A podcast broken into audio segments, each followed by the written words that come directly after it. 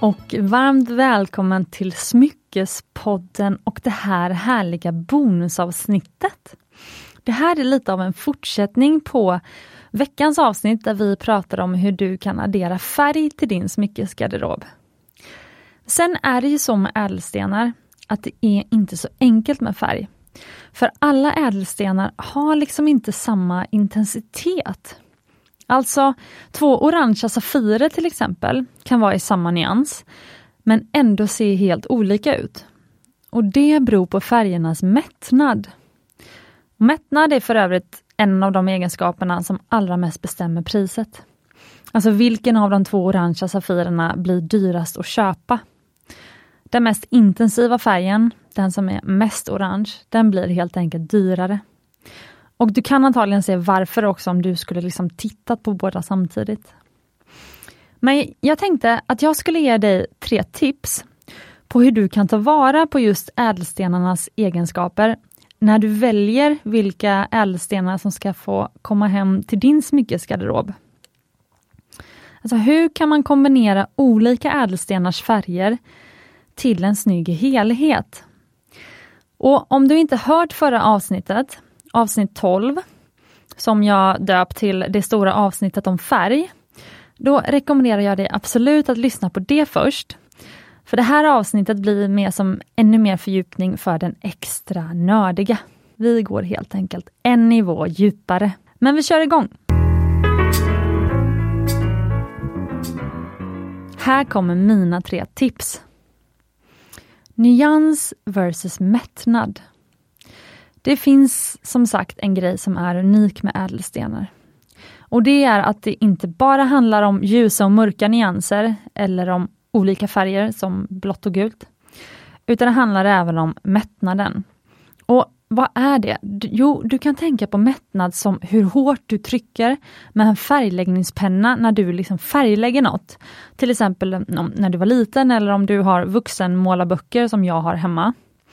Och ju hårdare du trycker med färgpennan, desto starkare färg blir det. Alltså desto högre mättnad.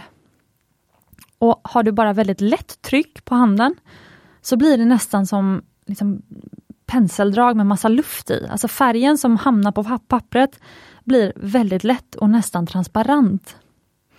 Och En sak som är viktig här, och som man kanske inte tänker på, det är att färger som är snygga ihop ofta har samma mättnad. Alltså ofta väljer du innan du börjar färglägga ett motiv på till exempel en fjäril i målarboken, om du vill ha en dämpad färgskala och du då färglägger med blått, gult, orange, grönt med bara lätt tryck, så liksom färgerna bara anas. Eller om du vill ha en intensiv och färg, färgstark bild, för då trycker du hårdare med pennorna men använder liksom samma färger. Och En av de första sakerna som man liksom lär sig om färgläggning, tycker jag, det är att om man blandar väldigt hårt och väldigt lätt tryck i samma målning så blir det oftast inte så himla snyggt. Alltså man vill gärna hålla sig någorlunda inom samma färgmättnad. Och Det är därför som jag, när jag skapar smycken, till exempel inte kombinerar rosa safirer och rosa morganiter i samma ring. I alla fall så har jag inte gjort det hittills. För Safirer har en mycket starkare mättnad och är liksom tät i färgen. Medan morganiter har en väldigt så luftig, transparent ljusrosa färg. Och Även om det finns ljust rosa safirer så har de en mycket intensivare ljusrosa färg än morganiten som bara hintar just svagt i rosa. Och det blir nästan som de skär sig om, om jag liksom skulle sätta dem i samma smycke. Så. Första tipset blir Välj gärna ädelstenar som har ungefär samma färgmättnad, så kommer de ta fram det bästa från varandra. Och Det gäller även om du till exempel vill kombinera en grön turmalin med en blå safir i en ringstack eller i samma smycke. Om turmalinen är sådär riktigt djupt grön, då vill du också ha en liksom riktigt djupt blå safir. Och Det är faktiskt också ofta som vi i Mumbai-smycken faktiskt sällan använder smaragder. För väldigt många smaragder på marknaden har en liksom väldigt omättad grön färg. Och det blir inte så snyggt om man liksom skulle sätta den i en ring. Förutom till, till vitt då, till exempel, eller svart, för där, där passar ju allt. Men om du skulle kombinera då den här liksom lite omättade eh, smaragden med liksom vilken annan liksom ädelsten som helst så skulle det oftast inte bli så snyggt och då är det mycket snyggare att välja till exempel en djupt grön turmalin. Det som är viktigt att komma ihåg här, det är att mättnad inte är samma som nyans.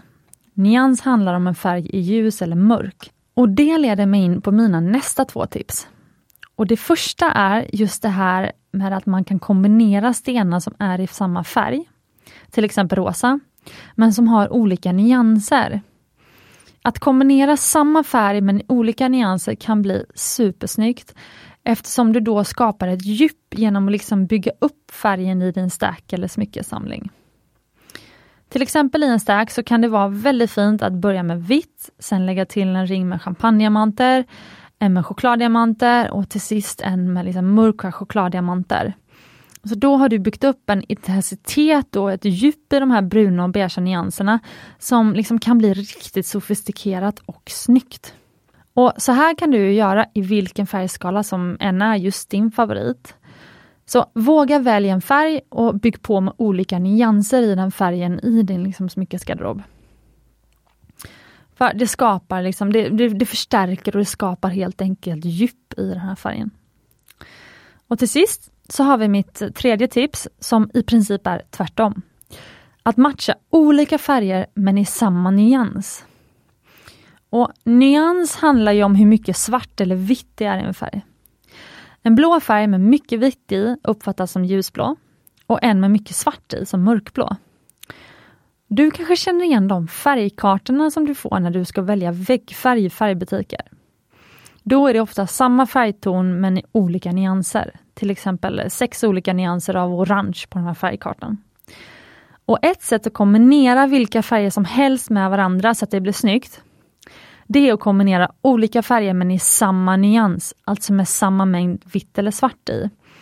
Om du då väljer till exempel nummer 4 från den orangea färgkartan, så kan du sedan matcha med nummer 4 i alla andra färgtoner, oavsett om det är blått, brunt, orange, lila, gult och så vidare. Och det kommer i princip bli snyggt. Och nu tycker jag såklart då att du ska gå till färgaffären och göra precis det här, så får du se själv. Men i ädelstensvärlden så motsvarar det här till exempel att om du valt en ljus olivgrön färg i en ring, så kan du i princip kombinera den med vilka andra lika ljusa färger som helst. Till exempel ljus lavendelsafir, ljusblå safir, ljusrosa safir eller varför inte ljusgul diamant. Men det kommer bli en större utmaning att kombinera den ljust olivgröna med till exempel knallorange. Då kan du nog se framför dig nu att det antagligen kommer bli mycket mer harmonisk med en ljusorange mot det där olivgröna.